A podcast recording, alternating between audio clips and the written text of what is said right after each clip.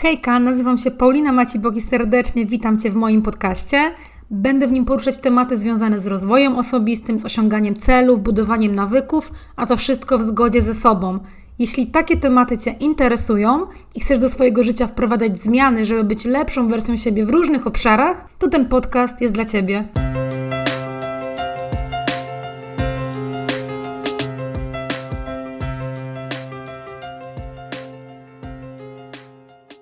Hejka, dzień dobry. Witam Cię serdecznie w 56. odcinku podcastu.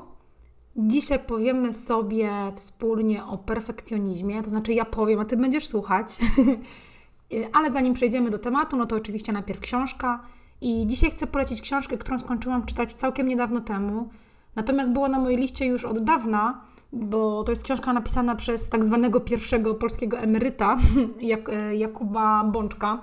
I ta książka nazywa się 25 mini emerytur. Ja koncepcję mini emerytur poznałam całkiem niedawno temu, y, właściwie poprzez profil Elizy Wydrych na Instagramie, która właśnie tak żyje, to znaczy na zasadzie mini emerytur, czyli na przykład pracuje wytęż wytężenie 2-3 miesiące, a potem na przykład 2-3-4 miesiące odpoczywa. I Jakub Bączek działa dokładnie w ten sam sposób. On dzieli swój rok na dwie połówki, czyli połowę roku pracuje, a połowę odpoczywa, podróżuje. I w swojej książce, co prawda, wspomina o tych właśnie podróżach, natomiast on, on wspomina o tych podróżach, 25 podróżach, w kontekście konkretnych nawyków. I każdą tą mini emeryturę, każdą tą podróż opiera o jakiś konkretny nawyk. I to są takie nawyki, o których ja też bardzo często wspominam, jak na przykład dbanie o swoją dietę, albo dbanie o aktywność fizyczną, albo na przykład medytacja. Mm, tam jest sporo właśnie takich nawyków, które ja praktykuję, albo wstawanie gdzieś tam wcześniej rano. I ta książka jest świetna, bo ona jest bardzo przystępna, bardzo lekka, w taki bardzo fajny, obrazowy sposób um, opisuje te nawyki, nie w taki suchy sposób, że masz tutaj medytacja, tylko konkretnie mówi, co ten nawyk e, e, Kubie dał, jak też umieszcza go poniekąd w kontekście tej konkretnej podróży, więc to też jest bardzo, bardzo ciekawe. I tą książkę czyta się jak taką dobrą opowieść, więc y, naprawdę polecam, bo ja ją bardzo szybko przeczytałam. To są rzeczy trochę dla mnie, może nawet nie, że oczywiste, ale to są takie rzeczy dla mnie bardzo ważne, dlatego y, to nie było dla mnie jakieś odkrycie Ameryki. Natomiast wydaje mi się, że to jest bardzo dobra książka na początek, jeśli nie wiesz w ogóle gdzie zacząć, żeby, nie wiem, jesteś ze swoim życiem, chcesz coś zmienić, ale nie wiesz w ogóle gdzie zacząć, od czego, no to wydaje mi się, że ta książka jest bardzo, bardzo dobrą inspiracją, więc serdecznie polecam. W opisie odcinka oczywiście będzie link. E, do książki na mojej stronie internetowej w czytelni. Mam coś takiego jak czytelnia. Jeśli jeszcze tam nie byłeś, nie byłaś, to serdecznie zapraszam. Książek tam jest na razie dość mało, bo ja je dodaję sukcesywnie. E, ale one będą się tam pojawiać z mini recenzją, z moją opinią, z linkami do książek, z linkami afiliacyjnymi do książek, żeby móc je zakupić, czy to e-booka, czy książkę papierową, czy na przykład audiobooka, więc serdecznie zapraszam. No dobrze, a dzisiaj już zajmiemy się tematem, który jest gwoździem programu, i to jest bardzo, bardzo ważny temat, zwłaszcza w naszych czasach. I szczerze mówiąc, nie wiem, dlaczego nie poruszyłam go wcześniej. Może dlatego, że aż tak bardzo mocno mnie to nie dotyczy, o czym powiem zaraz. Ale najpierw sobie w ogóle odpowiedz, odpowiedzmy na pytanie, czym jest ten perfekcjonizm. Bo y, to jest oczywiście pojęcie wywodzące się z psychologii, i w psychologii oznacza postawę człowieka, który stawia dokładność wykonywanych czynności na najwyższym miejscu. Natomiast warto wspomnieć, że perfekcjonizm działa w różnych obszarach życia, bardzo mocno gdzieś tam pracuje w naszej głowie i nie skupiamy się wtedy nawet e, tylko i wyłącznie na czynnościach, ale nie na naszym wizerunku, na naszym działaniu, na tym, jak my się prezentujemy innym, jak my się prezentujemy sami sobie też w głowie. I mm, w tym obszarze będę chciała to omówić.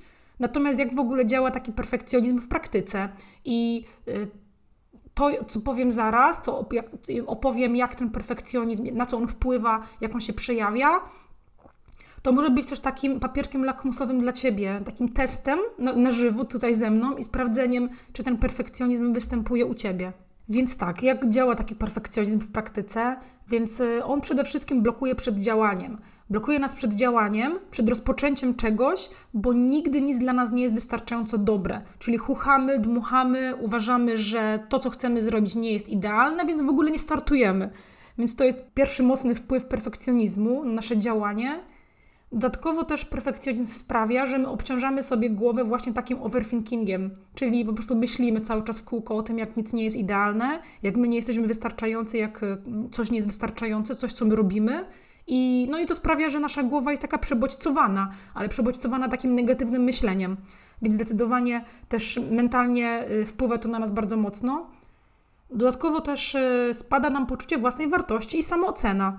Bo jeśli my uważamy, że nasze działanie nie jest wystarczająco dobre i nie jest fajne i nie nadaje się, nie wiem, do publikacji, do startu, do przekazania komuś, do, do, do rozpoczęcia działania, no to nie, tym samym jakby łączymy to, to działanie ze sobą i my wtedy uważamy, że to my nie jesteśmy wystarczająco dobrzy. Więc to poczucie własnej wartości i samoocena bardzo, bardzo mocno nam spada. A z tym wiąże się kolejna rzecz, czyli jeśli to się dzieje regularnie, sukcesywnie i narasta, no to spada nam po prostu pewność siebie. I nie tylko jako stan, czyli nie wiem, spada mi pewno, nie mam pewności siebie w danym momencie, bo uważam, że nie wiem, moje przemówienie jest słabe i nie jestem, jestem strasznie niepewna siebie, żeby je wygłosić, ale też spada nam pewność siebie jako cecha, no bo pewność siebie jako stan gdzieś tam w, w, danym momencie możemy tej pewności siebie nie mieć w kontekście e, konkretnej rzeczy, obszaru, sytuacji, no ale pewność siebie jako cecha człowieka ona też jest bardzo ważna i jest karmiona właśnie tymi takimi dobrymi rzeczami, pozytywnymi rzeczami, a jeśli my tą pewność siebie karmimy właśnie takimi sytuacjami, kiedy nie czujemy się dobrze wystarczająco za każdym razem, no to ta pewność siebie tak w takim długim terminie nam mocno spadnie i no i po prostu nie będziemy się czuć dobrze w sytuacjach żadnych, kiedy będzie, które będą wymagały jakiegoś naszego zaangażowania, działania, pokazania siebie, pokazania swojej pracy. I perfekcjonizm też powoduje, że, że my wpadamy w taki nawyk niezaczynania po prostu, bo jak odkładamy każdą kolejną rzecz i robimy, robimy, pracujemy, a potem nic dalej z tym nie robimy i odkładamy, nie wiem, do szuflady, nikomu nie pokazujemy, y, to y, takie skumulowanie tego nawyku niezaczynania działa dokładnie tak samo jak kumulowanie dobrych nawyków bo jeśli dobre nawyki kumulujemy sobie z dnia na dzień, żeby, nie wiem, być coraz lepszym w jakiejś konkretnej dziedzinie, no to dokładnie tak samo działa nawyk niezaczynania. My się przyzwyczajamy do tego, przyzwyczajamy naszą głowę do tego, że my coś robimy, a potem, nie wiem, chowamy to do szuflady, albo robimy coś i chuchamy na to w nieskończoność. Więc y, wpadamy w taki kiepski nawyk, który po prostu z nami zostaje, bo nawyki y, złe też bardzo szybko się do nas przyczepiają. I te wysokie oczekiwania, które mamy w ogóle wobec siebie, będąc perfekcjonistą albo perfekcjonistką, bardzo często przekładamy na innych. No i to, to w psychologii w ogóle przekładanie takich, przekładanie y, rzeczy, które my w głowie mamy nieprzepracowane na innych ludzi, no to się nazywa w psychologii projekcją. I właśnie perfekcjoniści bardzo często robią taką projekcję oczekiwań, e, czyli przekładają te oczekiwania, wysokie standardy na innych ludzi, czyli ja jestem niewystarczająca, ja mam wysokie standardy, ja się muszę bardziej postarać, czyli inni też muszą, też muszą dorównać do tej poprzeczki. No i to bardzo mocno utrudnia jakie, jakiekolwiek jakieś zdrowe relacje, no bo oczywiście nie każdy jest perfekcjonistą i niektórzy nie potrzebują mieć y, aż tak wysokie, wysokiej poprzeczki, żeby zacząć. No i to, że my takie oczekiwania wobec innych mamy, to gdzieś tam też utrudnia, utrudnia kontakt, jakieś dogadanie się i komunikację. I perfekcjoniści bardzo często wpadają w rozpacz, gdy coś nie idzie zgodnie z ich planem i nie, nie po ich myśli. No i to jest o tyle niebezpieczne, że zawsze coś pójdzie nie tak po naszej myśli. Nie jest tak, że 100% wszystkiego, czego dotkniemy, zamienia się w złoto. Chociaż może niektórzy tak mają, fajnie, ale jakby no, życie jest nieoczekiwane i takie trochę nieprzewidywalne, więc bardzo często zdarza się coś, co powoduje, że coś tam, nie wiem, Andrzej to jebnie, typu, nie wiem, pandemia, tak, i jakieś plany finansowe różnych firm pewnie nie poszły zgodnie, zgodnie z ich oczekiwaniami, więc perfekcjoniści wpadają właśnie w taką rozpacz, gdy coś nie idzie z, zgodnie z ich planem. A jeśli o planie mowa, no to też taką właściwością perfekcjonistów jest to, że oni wiecznie planują. Wiecznie planują, dziubają przy tym planie, poprawiają go, cały czas piszą, rozpisują, analizują, no i na tym się kończy. Nie przechodzą do działania. Sprawiają wrażenie takich wybitnie zajętych, ale oni cały czas pracują nad tym planem, nad tym, jak coś zrealizować, a nie przechodzą do tej realizacji, co jest no kluczowe, tak? No bo to też chodzi o sprawdzenie pewnych, nie wiem, hipotez, pomysłów, idei, przetestowanie pewnych rzeczy, a nie przechodzą do działania, więc nawet nie mają szansy zrobienia tego kroku, takiego kroku testowania, sprawdzenia, jak coś zadziała. I to wiąże się też z tym, że no, perfekcjoniści mają w głowie wiele obaw. Wiele obaw przed tym, że okażą się właśnie niewystarczająco dobrzy, że ich pomysł będzie źle przyjęty, że inni będą o nich myśleć źle, że oni sami, sami o sobie będą myśleć źle, że coś jebnie, że coś się wywali, że będzie jakaś porażka. No i ta walka z obawami też powoduje, że jak już jest ta porażka, no to perfekcjoniści traktują tą porażkę jako koniec świata. I no to powoduje, że, że w ogóle boją się zacząć, tak? No bo skoro, jeśli zdarzy się porażka, a pewnie na to jakaś szansa jest, no to wtedy jest w ogóle koniec świata, rozpacz, niechęć do zaczynania kiedykolwiek e, indziej, więc, e, więc te obawy i porażka są ze sobą tak mocno sprzężone. To, co też perfekcjoniści mają w sobie, to takie przejmowanie się bardzo mocno opinią innych. No bo jakby to się wiąże tak naprawdę z tymi wszystkimi wcześniejszymi zachowaniami e, i, i cechami, o których powiedziałam. No bo jeśli ktoś po prostu chce wypaść jak najlepiej, no to to jest oczywiste, że on się przyjmuje opinią innych, bo chce wypaść jak najlepiej. I to wszystko w ogóle zebrane do kupy i wiąże się też w ogóle z tytułem tego odcinka, to powoduje, że tacy ludzie mają taką niemożność albo bardzo utrudnione osiąganie satysfakcji. I tutaj mowa w ogóle o wielu obszarach tej satysfakcji, bo to może być właśnie praca, to mogą być relacje, to może być na przykład zdrowie, to może być sport, to może być seks. To jest jakby wiele obszarów, gdzie ten perfekcjonizm może zamieszać i spowodować, że coś nie jest wystarczająco dobre dla nas, przez co jakby ta satysfakcja dla nas będzie bardzo trudna do osiągnięcia. I chciałam też powiedzieć, e, chciałam też powiedzieć, jak można u siebie, u siebie też zauważyć perfekcjonizm, nawet niekoniecznie sprawdzając te zachowanie, chociaż jakby to jest naj, najbardziej takie legitne, e, to co ciekawe, jeśli zrobisz sobie test Galupa i będziesz mieć te cechy, te talenty, które są najmocniejsze i te, które są najsłabsze, to po tym y, też można ocenić, jakie mamy albo predyspozycje do bycia perfekcjonistą, albo tak y, gdzieś tam w głowie można nam coś zaskoczy, że ten perfekcjonizm u nas się pojawia. I powiem w kontekście jakby swojej sytuacji, bo ja mam w, pie w, pierwszych pięciu talentach Galupa na pierwszym miejscu maksymalistę, a na piątym miejscu dyscyplinę. A nie, przepraszam, na piątym mam odpowiedzialność, a dyscyplinę mam chyba w pierwszej dyszce. I dlaczego o tym mówię? Dlatego, że te dwie cechy, maksymalista i dyscyplina, bardzo często wiążą się z perfekcjonizmem, bo maksymalista to jest osoba, która chce maksymalnie dobrze wszystko zrobić, zamienić słabe, słabe strony na najlepsze, dąży do doskonałości, dąży do tego, żeby jej mocne strony były zmaksymalizowane, żeby czas był zmaksymalizowany działania, a dyscyplina oczywiście no, powoduje, że my siebie tak kurczowo pilnujemy, wszystko ma być w porządku, w kolejce, ma być e, zgodne z oczekiwaniami i co ciekawe, ja nie jestem perfekcjonistką i już mówię dlaczego. Mówię dlatego, że te dwa talenty idą u mnie w parze z talentem aktywator, bo na drugim miejscu, tuż po maksymaliście, ja mam aktywatora, a aktywator to jest talent, który e, napędza do działania, czyli zaczynamy, robimy, testujemy, sprawdzamy. I gdyby nie w ogóle połączenie tych talentów, co jest mega fascynujące, to to kurczę, no ja bym na pewno się przejmowała tym wszystkim, o czym powiedziałam wcześniej i na pewno byłabym straszną perfekcjonistką. Na szczęście mam to połączenie talentu. Nie wiem, czy ja sobie je sama wypracowałam, czy ono zawsze u mnie było, natomiast no to bardzo ułatwia działanie. Ale też nie jestem oczywiście wolna od tych e, zachowań, o których powiedziałam przed chwilą, bo Właśnie na przykład taka projekcja oczekiwań na inne osoby bardzo często się u mnie zdarza. Ja teraz nad tym pracuję bardzo mocno, ale bardzo często się zdarzało, że ja oczekując doskonałości od siebie, sprawiałam, że postrzegałam innych w kontekście tego, że oni też muszą. Oni też muszą być ambitni, mieć ambitne plany, działać i no to, to trochę utrudniało relacje, tak? I sprawiało, że ja się też wydawałam innym, tak mi się wydaje, jakaś taka arogancka i taka mało empatyczna. Chociaż empatii akurat no, no nie mam dużo, to fakt, ale, ale pewnie musiałam się wydawać taka arogancka i przemądrzała, tak zakładam. Natomiast no, mam teraz tego świadomość i staram się no, staram się świadomie podchodzić do tego i pracować nad tym, więc e, test Galupa polecam zawsze zrobić. Gdzieś tu podlinkuję odcinek o teście Galupa, bo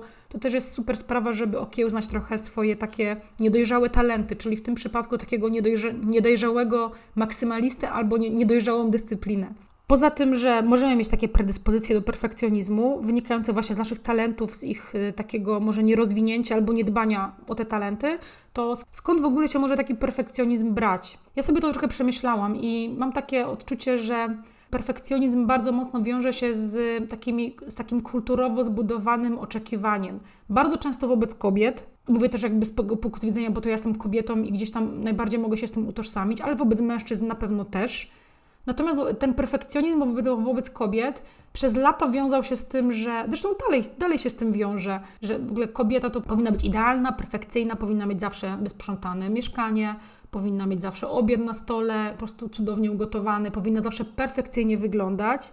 I ten mit, ten mit perfekcjonizmu, ten mit idealności e, utwierdzają też w, nasz, w nas media, tak? Przecież no, teraz już to jest coraz bardziej piętnowane, ale te wszystkie gazety Kosmo i inne tragiczne magazyny zachęcają nas cały czas do tego, po prostu co zmienić w sobie samej, żeby być jeszcze lepszą, jeszcze chudszą, jeszcze mieć, e, jeszcze mieć bardziej leśniące włosy, jeszcze bardziej połyskującą skórę, e, idealne włosy i paznokcie zawsze, jak idealnie w ogóle zajmować się jednocześnie domem, pracą, dziećmi, związkiem i do tego mieć w ogóle super włosy.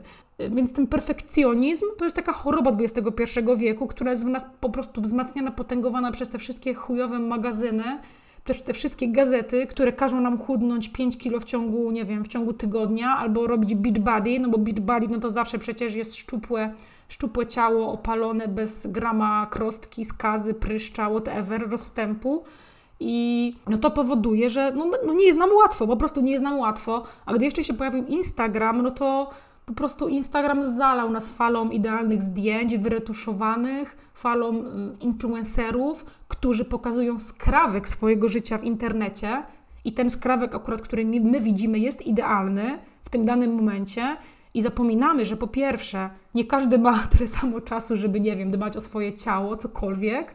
Po drugie, te wszystkie zdjęcia są wyretuszowane, więc to nie jest prawda. A po trzecie, to co pokazują ludzie w internecie, to jest skrawek ich życia. To jest jedna godzina na 24 godziny dziennie.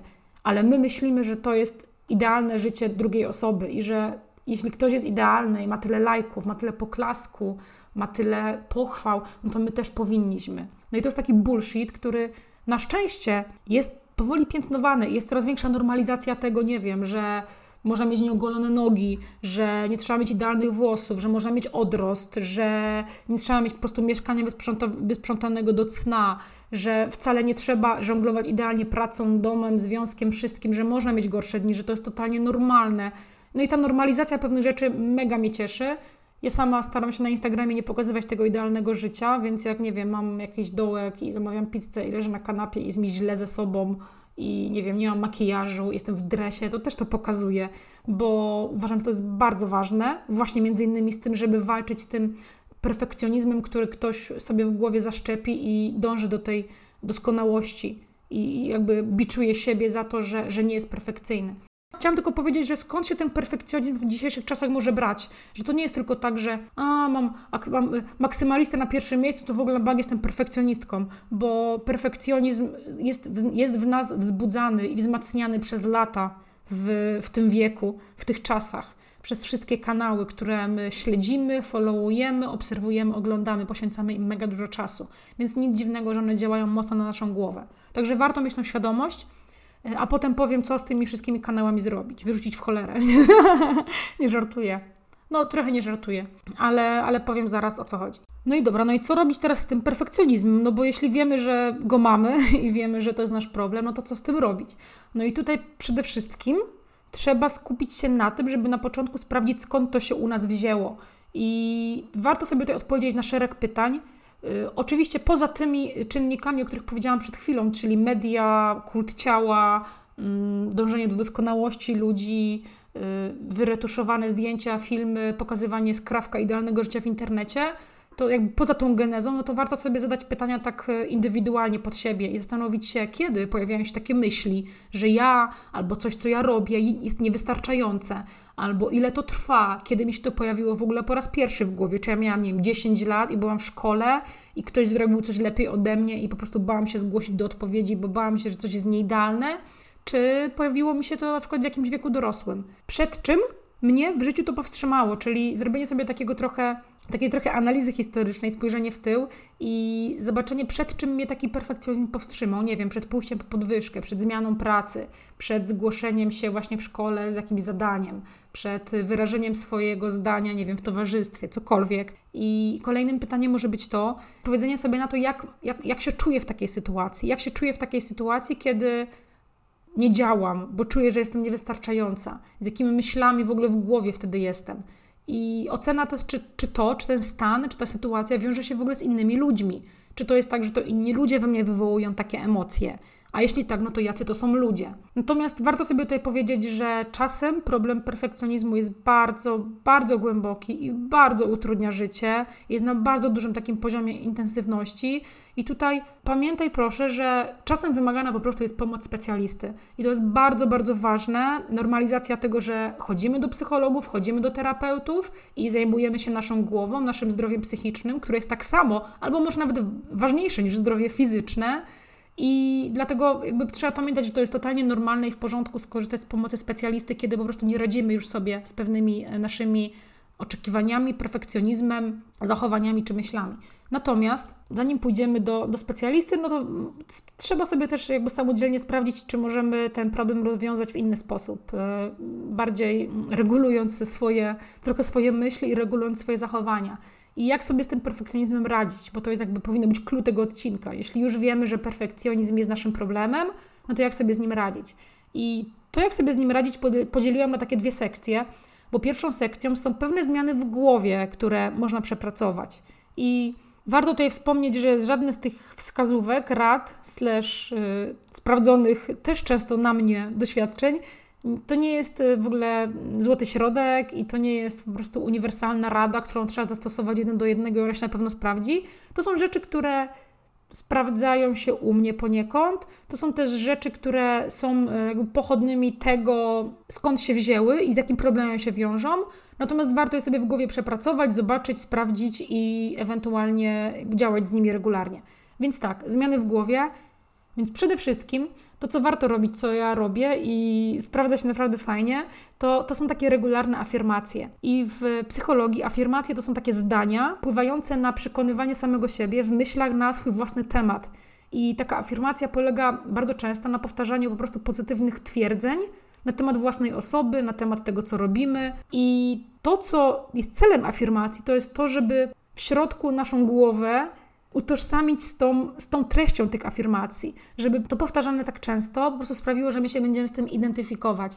Bo, bo afirmacja wykorzystuje taki mechanizm właśnie autosugestii i nasze myśli bardzo często jakby wspierają, wspierają później nasze zachowania. I to też się nazywa taką samonakręcającą się spiralą. Jeśli my będziemy coś powtarzać w nieskończoność, to no często się mówi, że kłamstwo powtarzane wiele razy staje się prawdą. I tutaj trochę właśnie tak jest, bo ta kwestia autosugestii tak działa. Oczywiście nie, nie mowa tutaj o, o tym, żeby e, kimś manipulować i powtarzać jakieś kłamstwa. Chodzi bardziej o to po prostu, żeby wykorzystać ten mechanizm dla siebie, sprawdzić, czy on zadziała i na przykład, nie wiem, codziennie rano sobie powtarzać jakieś e, jakąś konkretną, konkretną formułkę, nie wiem, jesteś wystarczająca, w ogóle to, co robisz jest super, bardzo się starasz, czasem ci nie wyjdzie, ok, to jest w porządku, to jest normalne, ale działaj, bo tylko tak sprawdzisz, czy to, co robisz jest skuteczne, jest dobre. I, no i warto sobie taką afirmację oczywiście do, do, swojego konkretnego przypadku ułożyć i powtarzać. Druga zmiana w głowie, druga praca z głową to jest pozbywanie się złych przekonań bo perfekcjonizm bardzo często wiąże się z takimi ugruntowanymi gdzieś głęboko w głowie przekonaniami, na przykład takim przekonaniem, że każdy ma być idealny, albo na przykład takim, że w ogóle y, jest 100% albo nic. Czyli muszę działać na 100% albo nic. Nie ma niczego pomiędzy, nie ma 70, 80, nie ma zasady Pareto, jest tylko to, że musi być 100% w ogóle idealnie albo nic. Innym złym przekonaniem jest połączone trochę z tym 100% albo nic, takie myślenie dychotomiczne. I to myślenie dychotomiczne no, sprawia, że my postrzegamy życie jakby w dwóch kategoriach, czyli dobre, złe, tak, nie, czarne, białe. I to powoduje, że coś, co my robimy, jest albo dobre, albo chujowe, i nie ma niczego pomiędzy. A życie takie nie jest, tak? Jest jakby całe spektrum szarości, o czym bardzo lubię mówić, i warto na to spojrzeć, że tam pomiędzy tą setką a pomiędzy zerem jest jeszcze kurde 99 poziomów procentowych, tak? I no to myślenie dychotomiczne może sprawić, że zupełnie inaczej spojrzymy na nasze działanie. Natomiast Natomiast, natomiast no, też złym przekonaniem jest postrzeganie porażki, podejście do przyjmowania porażek, bo jeśli my przyjmujemy całe życie porażki jako, jako porażki, jako porażki nas jako ludzi, jako po prostu podkopujące nasze samopoczucie sytuacje, jeśli my nie zaczniemy postrzegać porażek i jakichś tam błędów jako doświadczenia, tylko będziemy za każdym razem uważać, że to jest koniec świata, no to bardzo ciężko będzie nam działać, bo wystaną w nas po prostu te obawy, obawy przed podjęciem działania, żeby ta porażka znowu nas nie spotkała. Ja też o tym, co teraz co wszystkim mówię, czyli pozbywaniu się złych przekonań, postrzeganiu porażki, myśleniu dychotomicznym. Nagrałam mnóstwo odcinków, dlatego ja je kurczę, wrzucić wszystkie odcinki do opisu to będzie takie słabe, ale postaram się gdzieś tutaj poznaczać te odcinki. Jeśli słuchasz mnie na YouTubie, to one się pojawią, a jeśli słuchasz mnie na Spotify'u, to ja postaram się je wylistować poniżej, no bo to wszystkie przekonania, warto z nimi pracować, bo one wpływają właśnie na ten perfekcjonizm. I kolejnym takim przekonaniem, czy taką zmianą w głowie, nad którą warto pracować, jest nieprzejmowanie się opinią innych. I tutaj też nagrałam oczywiście o tym odcinek, natomiast no, nie będę więc się produkować jakoś bardzo dużo, natomiast warto y, mieć świadomość, że na, ludzi na świecie jest no, w cholerę dużo, tak? Miliardy. I gdybyśmy mieli się przejmować każdym jednym człowiekiem, no to trochę byłoby to hmm, nieoptymalne czasowo. Życia by nam nie starczyło. A pamiętajmy też, że każdy człowiek jest często, czasem, trochę egocentryczny, tak? I ludzie przejmują się sobą. Ludzie nie myślą o tobie, bo są zbyt zajęci myśleniem o sobie. I to jest kurczę tak prawdziwe, że my myślimy, że ktoś po prostu o, zobaczy nas, zobaczy, nie wiem, nasze nieumyte włosy i pomyśli, o Boże, ale fleja nie umyła włosów, a ludzie mają to gdzieś, może rzucą okiem i idą dalej, tak? Idą dalej ze swoim życiem, ze swoim dniem, ze swoim własnym myśleniem o sobie, więc jakby warto o tym pamiętać. Natomiast to, to też jest bardzo, bardzo ważne i takie będzie trochę teraz coachowskie, w ogóle Paulo Coelho, to jest to, że, ale to jest prawda, że nikt nie przeżyje naszego życia za nas, tak? I że jedynym miejscem, którym my zawsze będziemy, to jest jakby nasze, nasza, własna głowa, tak?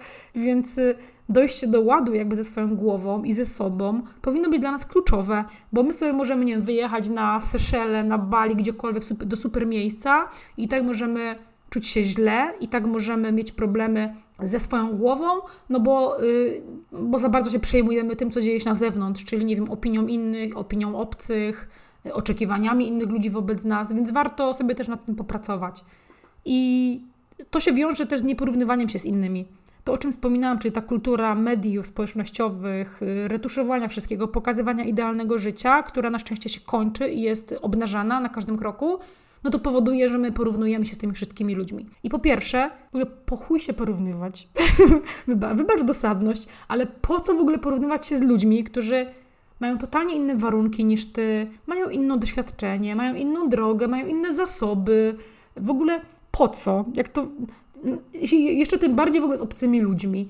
Najlepiej porównywać się z samym sobą, z samą sobą, z osobą, którą, nie wiem, byłam 10 lat temu, patrząc na to, czego się nauczyłam, jak się zmieniłam, w jakich obszarach stałam się lepsza, co się dla mnie zmieniło, jeśli chodzi o priorytety, i porównywać się z samym sobą, a nie z osobą, która, nie wiem, żyje sobie na drugim końcu świata i, yy, i codziennie leży na plaży yy, i, i pije drinki. Spoko, w sumie chciałabym być teraz na plaży i pić drinki, ale nieważne, chodzi o to, żeby się nie porównywać z innymi. I kończąc tą sekcję zmian w głowie, Podkreślę raz jeszcze, że jeśli te zmiany w głowie są dla nas jakby niewystarczająco proste do ogarnięcia samodzielnie, idź na terapię. Idź na terapię, bo perfekcjonizm potrafi bardzo mocno destruktywnie działać na, na wiele obszarów życia i może się okazać, że po latach tego problemu jest bardzo ciężko zrobić cokolwiek, że jest bardzo ciężko wstać z łóżka. Więc mm, praca u terapeuty z własną głową to nie jest wstyd, to jest akt ogromnej, ogromnej odwagi i zajęcie się własnym zdrowiem psychicznym. Więc pamiętaj, praca u terapeuty na tak, jeśli, jeśli tego właśnie potrzebujesz. No i teraz przejdziemy do takich bardziej actionable, actionable wskazówek, takich, które możesz zastosować od razu, czyli do zmian w zachowaniu po prostu.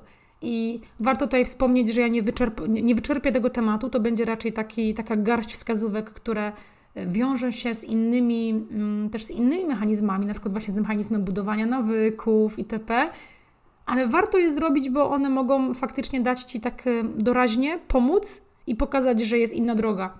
Więc po pierwsze, warto pokonywać swój, swój perfekcjonizm stosowaniem małych kroków. To się wiąże też mocno z, właśnie z obawami przed porażką, które mamy w głowie, bo jeśli my zaczniemy stosować małe kroki, które są ciężkie do zepsucia, które nie są bardzo mocne, bar, bar, bardzo obciążające, jeśli chodzi o wysiłek i przygotowanie do nich, to my sobie zbudujemy taki nawyk zaczynania, nawyk działania. Choćby te małe kroki były dwuminutowe i były bardzo malutkie, no to ciężko będzie je zepsuć. Przykładowo, jeśli Po prostu, o, to jest ciekawe, bardzo często słyszę, ja zawsze, zawsze jak y, gdzieś tam lobbowałam ludzi, że przychodzili na crossfit, to zawsze mówili mi ci, te osoby, że nie, jestem za słaba, tam wszyscy są tacy dobrzy, jestem za słaba, nie mogę, nie? I to jest jakby to postrzeganie, ta, ten lęk przed porażką, związany z tym, że nie jestem wystarczająco dobra, powoduje, że w ogóle nie podejmuję działania. A gdyby to był mały krok, typu, ok, no to idź na, nie wiem, idź, poćwicz, nie wiem, 15 minut, albo jeśli chodzi na przykład o bieganie, no to idź, ubierz buty, wyjdź, przejść te 500 metrów. Czyli takie malutkie kroki, które ciężko jest zepsuć, ale one dadzą nam to pasmo zwycięstw i zbudują u nas nawyk zaczynania, no spowoduje, że to zaczynanie będzie coraz prostsze i zaczynanie dużych rzeczy będzie coraz prostsze, więc warto. Żeby utwierdzić się w tym, że robimy fajne rzeczy, bardzo fajnym sposobem na to jest to, żeby prosić ludzi o pozytywne opinie na nasz temat. I nie tylko odnośnie nas jako osoby, ale też na przykład pracy, którą wykonaliśmy, podjętego wysiłku, czyli proszenie o taki pozytywny feedback zwrotny. Dobra, feedback zwrotny to jest masło maślane.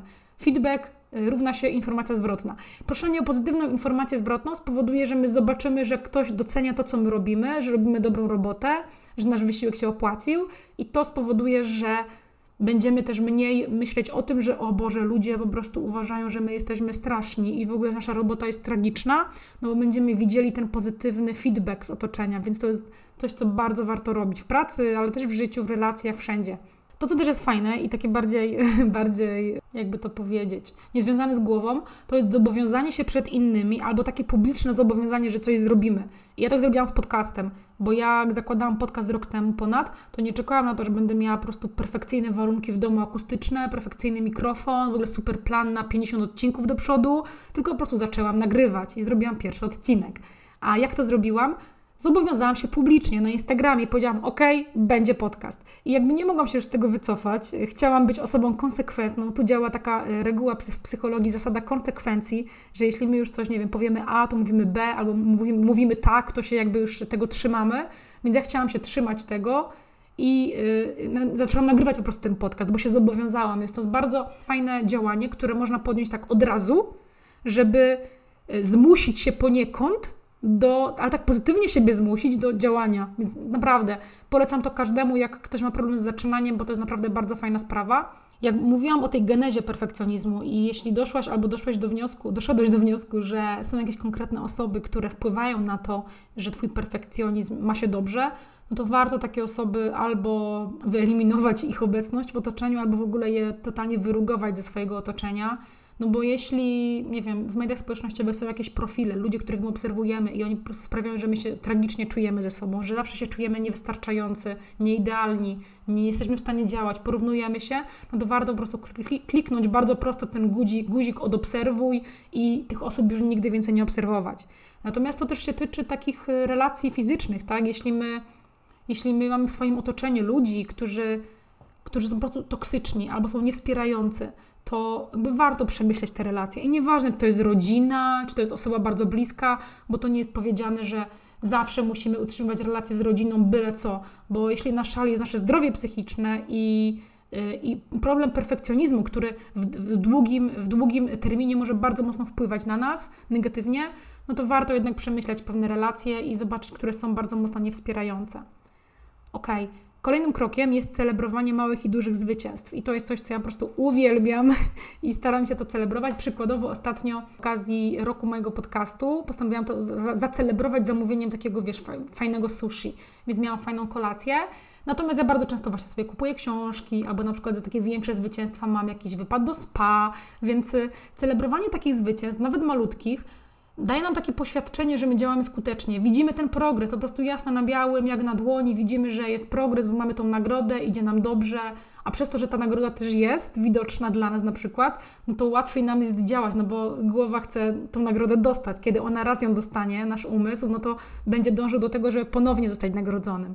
I to, co ja polecam też zrobić w kontekście małych zwycięstw, jeśli jeszcze nigdy nie próbowałeś, nie próbowałaś, to stworzyć sobie taki słoik zwycięstw. To znaczy postawić po prostu sobie słoik albo jakieś duże pudełko i za każdym razem, jak mamy jakieś małe zwycięstwo, albo jakiś sukcesik, albo duży sukces na koncie, no to warto sobie to zapisać na kartce, żeby, tego, żeby to nam nie uciekło, bo za 10 lat, albo nie wiem, za 10 miesięcy, albo za 10 tygodni, albo za 10 dni, możemy tego nie pamiętać. Możemy być w miejscu, które będzie na przykład dla nas y, kiepskie, możemy się źle czuć, niewarci, niewystarczający.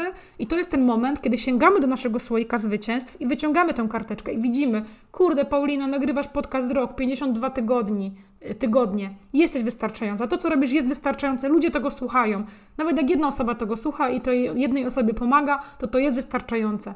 I taki słoik zwycięstw to jest w ogóle super sprawa, właśnie dlatego, żeby z jednej strony pracować z tym perfekcjonizmem, a też z drugiej strony, żeby budować takie pozytywne, pozytywne uczucia wobec siebie, właśnie mm, pewność siebie, poczucie własnej wartości, więc to jest no, taki, y, ten słoik zwycięstw to jest taki słoik wielu korzyści, że tak powiem, więc warto. Dobrze, jeśli, mm, jeśli bardzo się boimy i jeśli mamy sporo obaw w głowie na, na temat działania, no to warto przygotować się na zły scenariusz.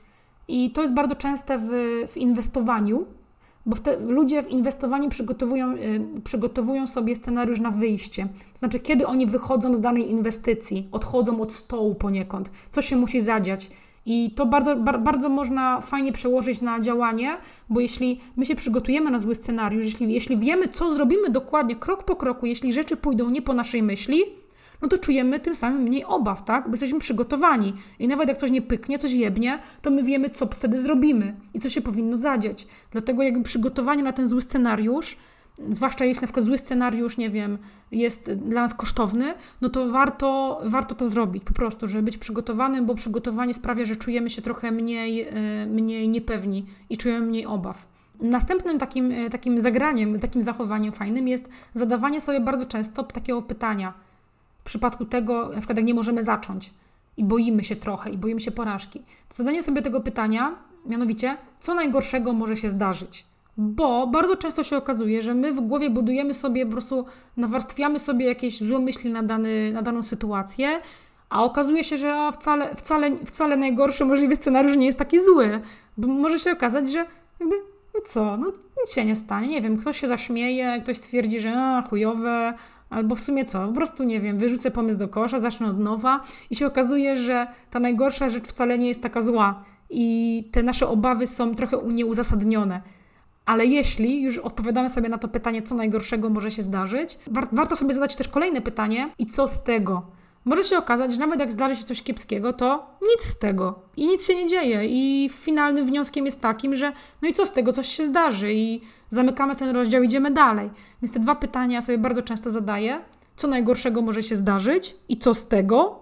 Bo pomaga to spojrzeć z perspektywy na, na sytuację i na to, jakie mogą być jej skutki żeby działać bardziej z, z, planowaniem, co, co też bardzo często, o czym bardzo często mówię, to jest e, to, żeby stawiać sobie ambitne, ale realistyczne cele. I tutaj kłania się też odcinek o celach i o planowaniu, ale też nie słuchajcie go, bo w ogóle na początku grudnia rusza sprzedaż workbooka o celach i o osiąganiu celów. I tam jest też oczywiście jakby sekcja o tych celach, żeby one były realistyczne, ale ambitne, bo jeśli cele są realistyczne, no to jakby wiemy, że możemy je osiągnąć, bo na przykład jeśli postawię sobie teraz cel przed sobą, żeby być najbogatszym człowiekiem na świecie, no to może być tak, że ja tego celu nie osiągnę, bo on jest, no on jest wybitnie ambitny. Czy on jest realistyczny? No nie do końca. Jeszcze abstrahując od tego, że nie pretenduję do takiego miana, no to jeszcze bardzo ciężko byłoby to teraz osiągnąć. A jeśli bym to chciała osiągnąć, to może bym to osiągnęła, nie wiem, za 40 lat. I to, to jest bardzo mało taki realistyczny cel. I przez to, że ja miałabym ten cel i cały czas nie była w stanie go osiągnąć, no to to też potęguje takie wrażenie, że może ja nie jestem wystarczająco dobra. Dlatego pamiętaj, cele mają być ambitne, które sobie stawiasz, ale realistyczne pod ciebie, pod twoją sytuację. A teraz taka, takie, takie doraźne, ale też y, długofalowe, mm, długofalowe rozwiązanie na to, że mamy w głowie taki overthinking. Bo jeśli my mamy problem z perfekcjonizmem, to bardzo często w naszej głowie pojawia się no po prostu nawał myśli związanych z obawami, z porażkami, z tym, co ktoś myśli, z tym, czy ja jestem wystarczająco dobra. I na ten overthinking no ja mam jedno super rozwiązanie, medytacja. Nie będę tego dłużej y, drążyć, bo nagrywałam o ten cały odcinek, gdzieś go tu podlinkuję. Natomiast medytacja jest świetna właśnie na nawał myśli w głowie związanych właściwie z czymkolwiek, więc y, tak samo overthinking dotyczący perfekcjonizmu, medytacja. Ostatnia zmiana w zachowaniu, którą polecam, to jest po prostu robienie tego, czego się boimy. I to pomaga nam przezwyciężyć taki lęk przed porażką, który bardzo często nas stopuje przed działaniem. Jeśli raz na jakiś czas zrobisz czegoś, zrobisz, zrobisz coś, czego się boisz, Albo na przykład zrobisz coś, co jesteś pewna, pewny, że spowoduje porażkę, jakąś małą porażkę, no to zrób to. Zrób to, żeby zobaczyć, co się stanie. I wtedy nie musisz sobie odpowiadać na to pytanie, co najgorszego może się zdarzyć, bo na przykład możesz sprawdzić, co się stanie. Nie mówię tutaj o jakichś takich porażkach y, dotkliwych, tylko o takim działaniu, które wiesz, że na pewno skończy się porażką, ale wtedy jakby przekonasz się na własnej skórze, jakie to będzie uczucie. I jeśli już doświadczysz tego uczucia, to o wiele mniejszy lęk przed porażką, czy mniejszą obawę będziesz mieć później. Więc to się po prostu kumuluje i nawarstwia. O kurczę, wyszedł mega długi odcinek, ale to jest mega też ważny temat i no, poruszyłam trochę zmian związanych właśnie z głową, związanych z zachowaniem. Warto przemyśleć to i wprowadzić do swojego życia przynajmniej niektóre z nich, żeby w ogóle zobaczyć, czy one zadziałają, czy one pykną. A to, co w ogóle polecam teraz, jako kolejny krok po przesłuchaniu tego odcinka, to jest zrobienie sobie testu na perfekcjonizm jeśli nie zauważyłeś, nie zauważyłaś w tych cechach, o których mówiłam na początku, albo po swoich, nie wiem, talentach galupowych nie jesteś w stanie stwierdzić, czy jesteś perfekcjonistą, perfekcjonistką, to jest taki test na stronie Psychology Today, czyli dość legitny, strona związana z, amerykańska strona związana z psychologią. Jest test na perfekcjonizm. I ja ten test umieszczę tutaj w opisie odcinka. Warto sobie go zrobić, sprawdzić, czy to może nas dotyczyć, a jeśli tak, no to zastosować wskazówki z, z tego odcinka, przyjrzeć się swojej głowie, swoim przekonaniom i zacząć z tym pracować. Więc no, mam nadzieję, że ten odcinek był dla Ciebie przydatny. Będę mega wdzięczna, jeśli udostępnisz go w mediach społecznościowych i mnie oznaczysz, no bo perfekcjonizm to jest naprawdę choroba XXI wieku i wydaje mi się, że mo może się to przydać naprawdę wielu osobom, bo każdy z nas w jakimś momencie życia się z tym boryka, po prostu. Więc jeśli uważasz, że mm, ten odcinek był przydatny, udostępnij go proszę dalej. Koniecznie mnie oznacz, żebym zobaczyła i mogła u siebie też udostępnić Twoje udostępnienie. A jeśli mnie słuchasz w jakimś konkretnym kanale, no to też będę wdzięczna za wciśnięcie guzika obserwuj, czy jak jesteś na YouTubie, no to y, zasubskrybowania mojego kanału, bo mam na razie 70 subskrybentów i po prostu lecę po setkę, więc możesz mi pomóc w tym pościgu. No i będę bardzo wdzięczna. A jeśli mnie słuchasz na Apple Podcast, to też będę wdzięczna za recenzję. Dobra, koniec tych próśb, koniec tych próśb na koniec. Bardzo dziękuję, że wytrwałaś, wytrwałeś ze mną do tego momentu. No i do usłyszenia za tydzień.